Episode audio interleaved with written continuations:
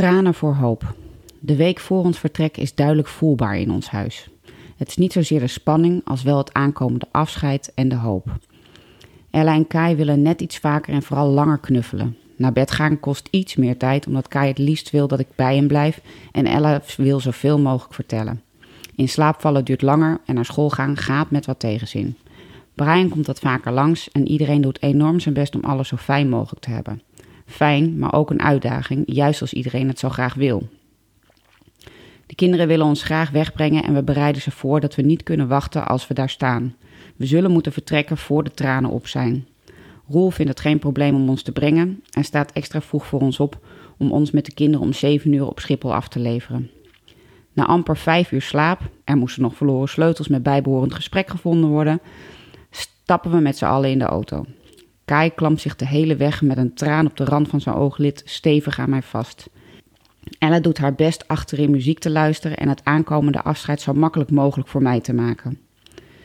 Ze hebben wat ervaring met afscheid nemen. Gert gaat vaker voor projecten naar het buitenland, maar volgens Kai is dit toch heel anders omdat we alle twee vertrekken. Ondanks hun verdriet staan ze voor de volle 100% achter ons vertrek. Ze hebben ook hoop en willen niks liever. Terwijl ik op Schiphol de laatste handkussen door de lucht blaas, zie ik het ineens. Kai in tranen en Ella stoer mijn pijn verlichtend. Wat doen ze veel voor mij? Al zeven jaar groeien ze op met een moeder die een pittige gebruiksaanwijzing heeft. Toen ik na drie maanden eenmaal uit het ziekenhuis kwam, bleek het grootste probleem met Kai dat hij zich niks van en over mij kon herinneren van voor die tijd. Hij was drieënhalf en voor ik werd geopereerd was hij elke dag bij en met mij. Maar op die leeftijd herinner je je weinig. Toen Roel na een aantal maanden thuis weer op kantoor ging werken, huilde Kai aan één stuk door. Tot ik erachter kwam dat hij herinneringen miste. We hebben uren doorgebracht met foto's kijken en dat hielp. En nu zag ik ineens tussen hun tranen door hoe hard ze ook hebben gevochten de afgelopen zeven jaar. Allemaal kind-oneigen aanpassingen. Niet druk doen, niet springen. Of te veel bewegen als we iets moeten doen. Stilstaan en geen vragen stellen bij een kassa. Het juiste moment kiezen om iets te vragen of te zeggen wat mama moet onthouden. Of het later nog eens keer helpen herinneren.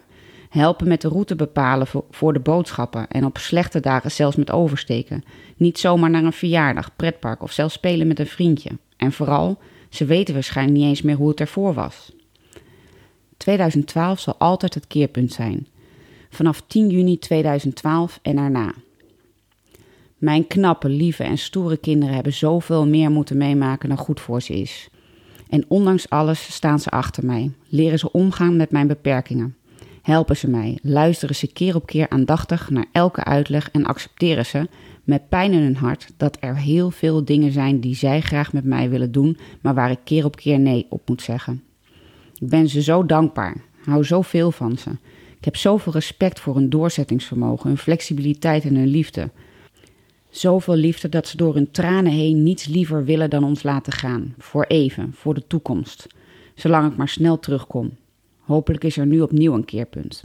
Paulien, Mama 3.0. Het leven voor oktober 2019 en erna.